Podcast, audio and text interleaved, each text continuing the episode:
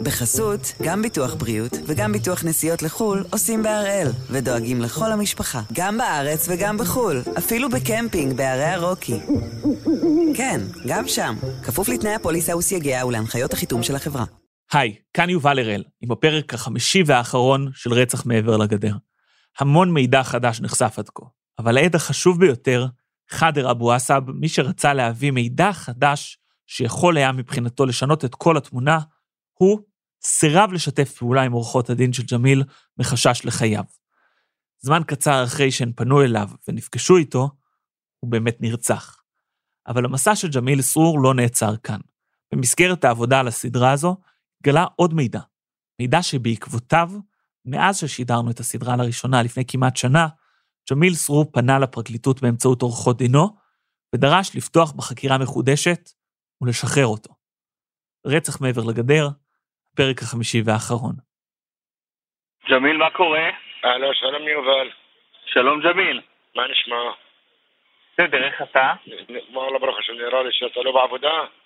אני בדיוק בדרך הביתה. אה, יאללה, שתהיה בריא, שבוע טוב ומבורך אינשאללה. אה, לא. בדקת לגבי מה שאמרתי לך אתמול?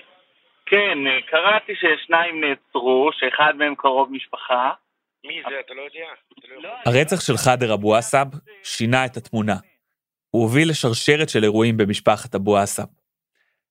הראשון לדבר איתי היה האח הכי קרוב לחאדר, אבו נור. רציתי להבין למה חאדר נרצח, אז פניתי אליו. אבו נור חי הרבה שנים בירדן, אז העברית שלו לא ממש טובה. פגשתי אותו במקום העבודה שלו, בית מלון במזרח ירושלים. אבו נור טען שאח שלו נרצח כי הוא רצה לעזור לג'מיל. רק מתי שומעים הוא רוצה יעזור לג'מיל סרור בר- בתיק של רצח, זה שמו חדר בראש שלהם, יעשו לו בעיה. אבו נור טען שלמרות הסירוב של חאדר לדבר עם עורכות הדין של ג'מיל, כמה חודשים אחר כך הוא החליט בכל זאת לפתוח מחדש את הפרשה. הוא התחיל לבדוק, ניסה לאסוף עוד פרטים בנוגע לתיק, ואז, לפי אבו נור, הוא סיפר על זה לאיש הלא נכון במשפחה שלו.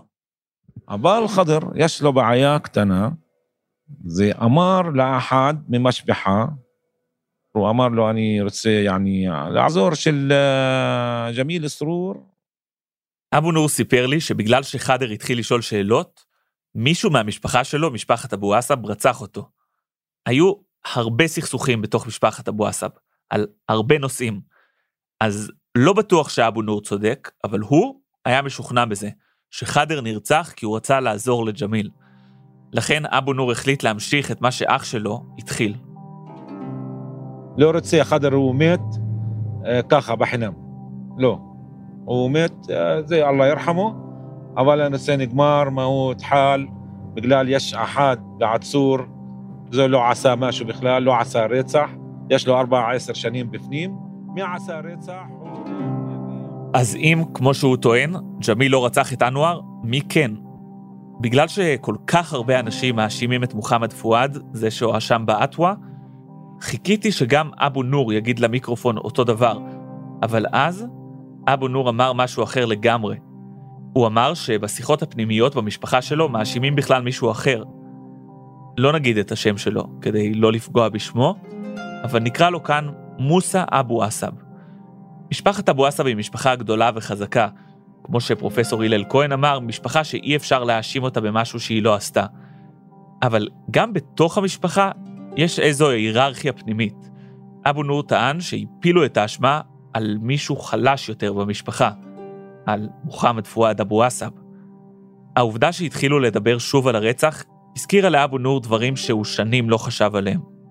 עכשיו זכרתי, זכרתי, יעני, חזרתי בשנים בחורה, איך, הוא אמר לי, תבוא להר, יש לי נשק, אני רוצה, תפרק אותו, הוא זורק אותו.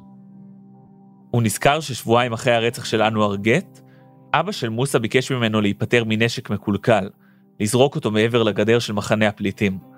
אבו נור הסיק מזה שמוסא הוא הרוצח, ואבא שלו מנסה לעזור לו להיפטר מכלי הרצח.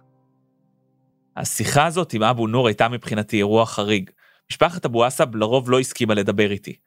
ניסיתי גם אחר כך ליצור איתם קשר, לשאול אותם על הדברים שאבו נור אמר, שבעצם מוסא הוא הרוצח והפילו את האשמה על מוחמד פואד, גם הפעם הם לא רצו לדבר. אבל הם כן הסכימו לדבר עם מישהו אחר. עלי גט, אחד האחים של אנואר הנרצח, פגש יום אחד ממש במקרה, באיזו קרטוניה במרכז הארץ, את מוחמד פואד אבו עסב. ככה פתאום, מי שסומן כרוצח ואחיו של הנרצח נפגשו. התחיל להסתכל עליי בעיניים לא טובות, וזה, אמרתי לו, תקשיב, אני לא רוצה שתסתכל עליי ולא תדבר איתי. הוא אומר לי, אני לא הרגתי את אח שלך. אמרתי, זה לא מעניין אותי. כבר היה בינינו אקווה, ואני לא רוצה לדבר איתך ולא לראות אותך אפילו, אל תדבר אליי. הוא אומר, אני לא הרגתי את אח שלך. במשך 13 שנה מוחמד פואד שתק. במשטרה הוא הפליל את ג'מיל, באטווה האשימו אותו בתור הרוצח, הוא גורש מהמחנה וניסה להתחיל חיים חדשים. להשאיר את הסיפור הזה מאחוריו, אבל זה רדף אותו. בכל מקום שהוא פגש בו במקרה את משפחת הנרצח, או את השכנים הישנים, מיד התחילו המבטים, הצעקות והקללות. אחרי 13 שנה נמאס לו. גם הוא, כמו ג'מיל, יצא לסוג של מסע, לנקות את השם שלו. אומר, אני לא הרגתי את אח שלך. זה אה, בן דוד שלי, אבו עסב. הביפ הזה ששמעתם הוא על השם האמיתי של מוסא. וסרור, הוא לא הרג. ככה אמר לי במילה. והוא אמר לי שזה מישהו בכלא, ג'מיל סרור, לא הוא הרג. ככה אמר לי במילה, הוא לא הרג. הוא יושב בכלא סתם. אם עלי אומר אמת, מוחמד פואד אמר לו שהוא בעצם שיקר בבית המשפט. זאת אומרת, העד הכי מרכזי, זה שעמד הכי קרוב מבין בני משפחת אבו עסב, שינה פתאום גרסה. הוא אמר שג'מיל יושב בכלא סתם. בהתחלה, עלי לא ממש רצה לשמוע מה יש למוחמד פואד לומר. מבחינתו, הסיפור כבר נסגר לפני 13 שנה בטקס האטווה. אבל מוחמד פואד התעקש, התעקש לנקות את השם שלו מול משפחת הנרצח.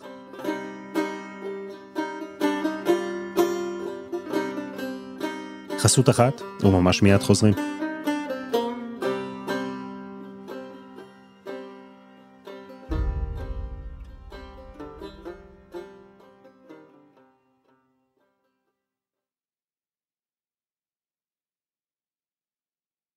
אחרי הפגישה עם עלי גט, מוחמד פואד התקשר לביג בוס של משפחת גט, אבו אחמד. מוחמד פואד דיבר אותי בטלפון, וזה פעם ראשון, מ-15 שנה. ואמר, עמי אבו אחמד, אני לא הרגתי את הבן דוד שלך. אמרת, אני, למה אתה אומר לי דבר כזה? למה? אמר לו, ואני מוכן לשים יד שלי על קוראן כרים, ואני אומר שאני לא הרגתי אותו, ואני אומר לך, מי הרג? אמרתי, אם אתה רציני, תבוא. מוחמד פואד אבו עסב אמר גם לאבו אחמד גט, שהרוצח האמיתי הוא מוסא. לכן, אבו אחמד הבין שאולי אפילו יש פה הזדמנות מבחינתו, כי הוא חשב שהדברים של מוחמד פואד יכולים לעזור לג'מיל, לתאר את השם שלו. אז בני משפחת גט קבעו מפגש עם מוחמד פואד. הם היו מאוד בטוחים. יומיים לפני כן דיברתי בטלפון עם הביג בוס, אבו אחמד, והוא נשמע לי מוטרד. אני מפחד מימים האלה, ביום מחר ומחרתיים. למה? יכול להיות שאבו יהרוג מוחמד פואד, היום או מחר. למה? שלא ידבר. ובסוף מועד הפגישה הגיע. ביום שישי אחד אחר הצהריים, אחרי כל כך הרבה שנים, מוחמד פואד הגיע לבית של משפחת גט, למחנה הפליטים שועפאט, המקום שממנו הוא גורש לפני 13 שנה. הוא נכנס לבית, פנה לאבו אחמד. אמר, אני מוחמד פואד. לא הכרתי אותו, 15 שנה אני לא רואה אותו. והגדיל, היה בן 20, עכשיו בן 34, בן 35, ככה. הגדיל. אמרתי, אהלן וסהלן. אני כועס. למה? זה הבן אדם, הרג בן דוד שלי. אמר אסמע אבו אחמד, אתה אם מאמין בקוראן, אני עכשיו, עכשיו אשים יד שלי על קוראן. הם התיישבו יחד בחדר, מסביב לשולחן. אבו אחמד ישב במרכז וניהל סוג של טקס קצר. בצד שמאל, בני משפחת גט, ובצד ימין, מוחמד פואד אבו עסב. אחרי 13 שנה המעגל נסגר. מוחמד פואד שם את היד שלו על הקוראן ונשבע, אני לא הרוצח.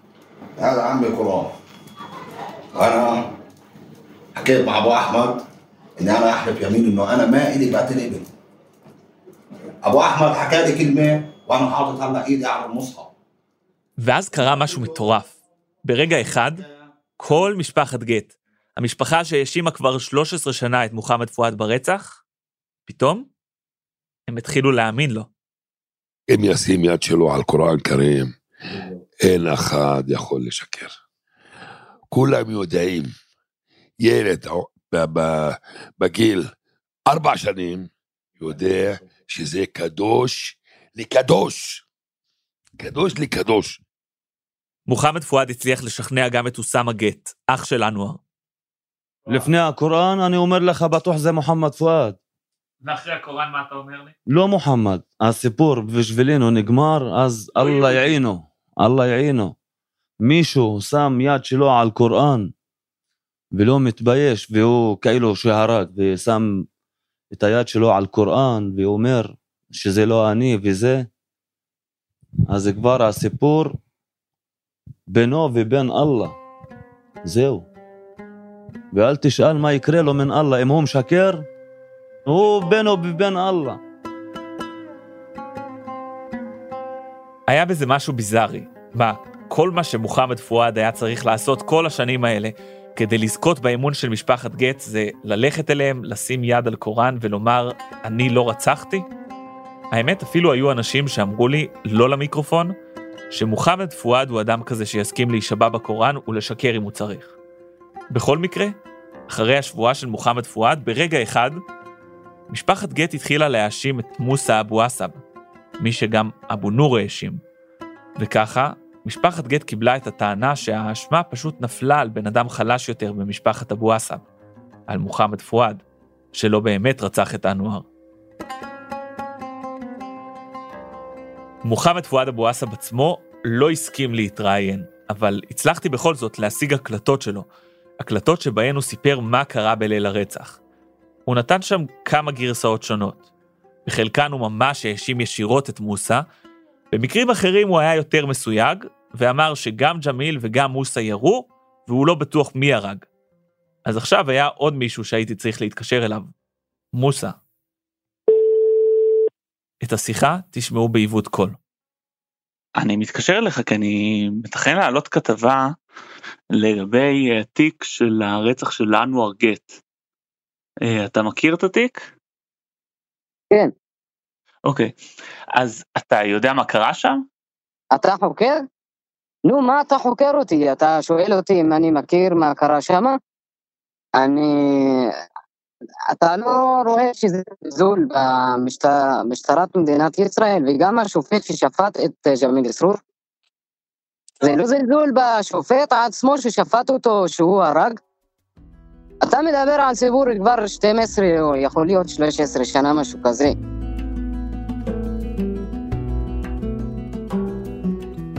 היה בזה משהו קצת אירוני. אחרי שכל המרואיינים בסדרה סיפרו על חוסר האמון במערכת, לא ציפיתי לתגובה הזאת. אתה שואל אותי על אירוע, על אירוע, שבכלל אני לא הייתי נמצא במקום. אפילו אתה שואל אותי על משהו שאני בכלל לא, לא, לא הייתי בחקירה בכל האירוע הזה, לא, לא הגעתי לחקירות, לא הייתי שם ולא הגעתי לחקירות. הבנת איך? יש צדק בדברים שלו. הוא לא נחקר בתיק, ובאמת, אי אפשר לבוא אחרי 13 שנה ופתאום להאשים אותו בלי הוכחה חד משמעית. לכן גם לא פרסמנו את השם האמיתי שלו, כדי לא לעשות לו עוול. אבל הסיפור פה הוא אחר, הסיפור הוא ג'מיל, כי מוחמד פואד אבו עסב היה העד המרכזי נגד ג'מיל. הוא עמד הכי קרוב ממשפחת אבו עסב. בתיק הזה לא נאספו ממש ראיות. למשטרה לקח יותר מדי זמן להגיע, רוב העדים ברחו, ומבין אלה שהעידו במשטרה, אף אחד לא סיפר שג'מיל היה בזירה. אף אחד חוץ מארבעה, ארבעת בני משפחת אבו עסב שהפלילו את ג'מיל. ופתאום עכשיו, אחרי 13 שנה, העד המרכזי מבין ארבעת העדים האלה נשמע אחרת, הופך את הגרסה שלו, וגם הוא לא בטוח שג'מיל הוא הרוצח. אז אתם יכולים לתאר לעצמכם, אם עד עכשיו ג'מיל התרגש מכל התפתחות קטנה, הפעם הוא היה באקסטזה. כבר לא יכול היה לחכות שהסדרה תעלה. רק, רק יובל, יובל כפר עליך, אתה יודע, כל העולם ואשתו מחכים רק ליובל, אתה מבין את זה או לא? אחרי ההתפתחויות החדשות ששמעתם בסדרה הזו, העדויות החדשות של מוחמד פואד, אבו נור, טייר גט ואחרים, עורכות הדין של ג'מיל שוקלות לבקש לפתוח את התיק מחדש. בינתיים ג'מיל עוד ממתין בחמ"ל הקטן בבית הסוהר איילון. בשבוע הזה הוא הקשיב לכל מילה בסדרה, לכל ארבעת הפרקים הראשונים. אח שלו נאפז קם מוקדם כל בוקר והשמיע לג'מיל דרך הטלפון. דווקא את הפרק הזה, פרק הסיום, הוא ייאלץ לשמוע באיחור. כי ג'מיל, כמו שהוא ידע מראש, הוכנס לצינוק. הרי אסור לו להתראיין בלי אישור. שעות לפני שהענישו אותו, הספקתי לדבר איתו עוד פעם אחת. נו, שמעת? וואלה, היה מרגש, ואתמול אה, קצת בכיתי ככה. מה, מה חשבת? משהו טוב, מה, אני, זה מה שאני מחכה, יש, יש כמעט 14 שנה. רק אני אומר לך, התגובות של האסירים פה מדהים. מה הם אומרים? כולם התרגשו. אז מה, מה יהיה עכשיו? וואלה, אני מחכה אה, לבורא העולם, הוא יעשה את שלו. שהצדק יצא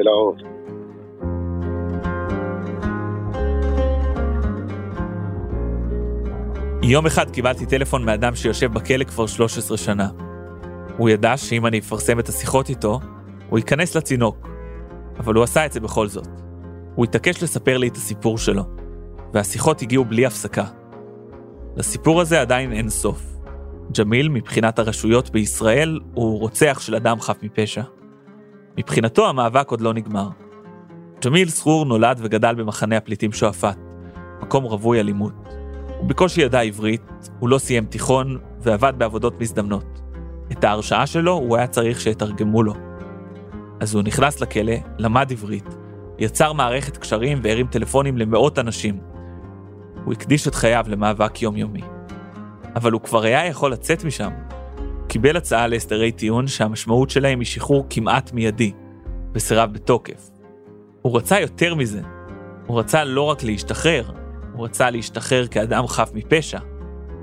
אז בהתחלה חשבתי לעצמי שהפנייה אליי הייתה רק אמצעי מבחינתו. אבל אולי במובן מסוים זו הייתה גם מטרה בפני עצמה. הוא חיפש מישהו שיספר את הסיפור שלו, והוא חיפש אנשים שיקשיבו. טוב, ג'מיל, תודה. אני אדבר איתך, בסדר? תהיה בריא, יובל. יאללה, ביי.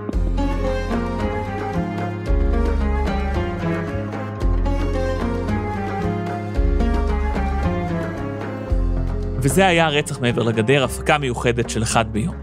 עם הממצאים שעלו כאן בסדרה והראיות החדשות, ג'מיל סרור פנה באמצעות עורכות דינו לפרקליטות, בדרישה לפתוח בחקירה מחודשת ולשחרר אותו מבית הסוהר. הוא עדיין מחכה לתשובה. עד עכשיו, כמו שאתם יודעים, הוא סירב לכל הצעה שהגיעה מצד הפרקליטות. האם ומה יציעו לו הפעם, ומה ג'מיל יחליט בפעם הזו? להודות בעבירה קלה יותר ולהשתחרר, או להסכים לצאת מהכלא רק כאדם חף מכל פשע? אנחנו כמובן נמשיך לעדכן אתכם בהתפתחויות. העורך שלנו הוא רום אטיק, בסדרה הפיקו דני נודלמן, רוני ארניב ועדי חצרוני, על הסאונד יאיר בשן שגם יצר את מוזיקת הפתיחה שלנו. תודה מיוחדת גם ליובל דורון ולתומר אלמגור על הסיוע, ולספיר ליפקין על התרגום מערבית. בשבוע הבא יחזור לכאן אלעד שמחיוב, עם אחד ביום במתכונת הרגילה.